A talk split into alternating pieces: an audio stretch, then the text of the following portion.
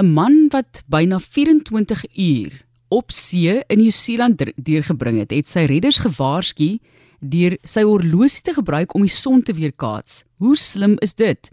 Ek dink dit is nou ook sommer raad vir jou as jy ooit in dieselfde situasie is. Ek hoop regtig nie so nie, maar hy het toe nou sy self sy horlosie gebruik om die son te weerkaats en so het hulle hom raak gesien. Die polisie sê dis 'n wonderwerk dat die man gered is nadat hy Dinsdag, dis nou verlede week, 12 meter van sy 12 meter boot oorboord geval het terwyl hy op 'n solo hengelreis was. Hy het gesê die boot het toe nou omgeslaan nadat hy 'n vermeende marlynvis gehak het. En hy sê hy het 'n hele nag alleen in die see in oop water spandeer, 'n koue nag, en sê hy was selfs aangesig tot aangesig met 'n haai wat 'n bietjie kom rondsniffel het.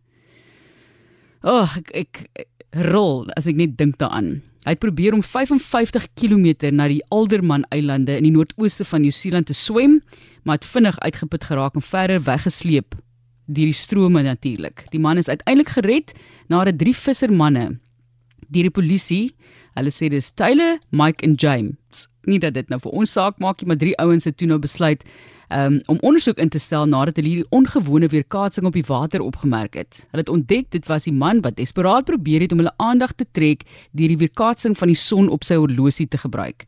So so slim. Die man se eerste woorde toe hy gered was: "Bly om jou te sien." Dis wat een van die vissermanne toe nou vir die New Zealand Herald vertel het. Hoe interessant is dit? So nee, ek asseblief nie. Ek wil nie in daai omstandighede wees nie. Heel nag boot het omgeval omgeslaan dan nou liewer heel nag op sy eie in die waters 55 km van die naaste grond. Ek weet was grond onder sy voete ook tegnies maar jy weet wat ek bedoel. Droë grond. 24 ure het hy so deurgedring en net baie slim sou horlosie gebruik gebruik om die son te weerkaats indien jy dit wil lees stuur my e-pos dis van Sky se webblad en dis bring by rsg.co.za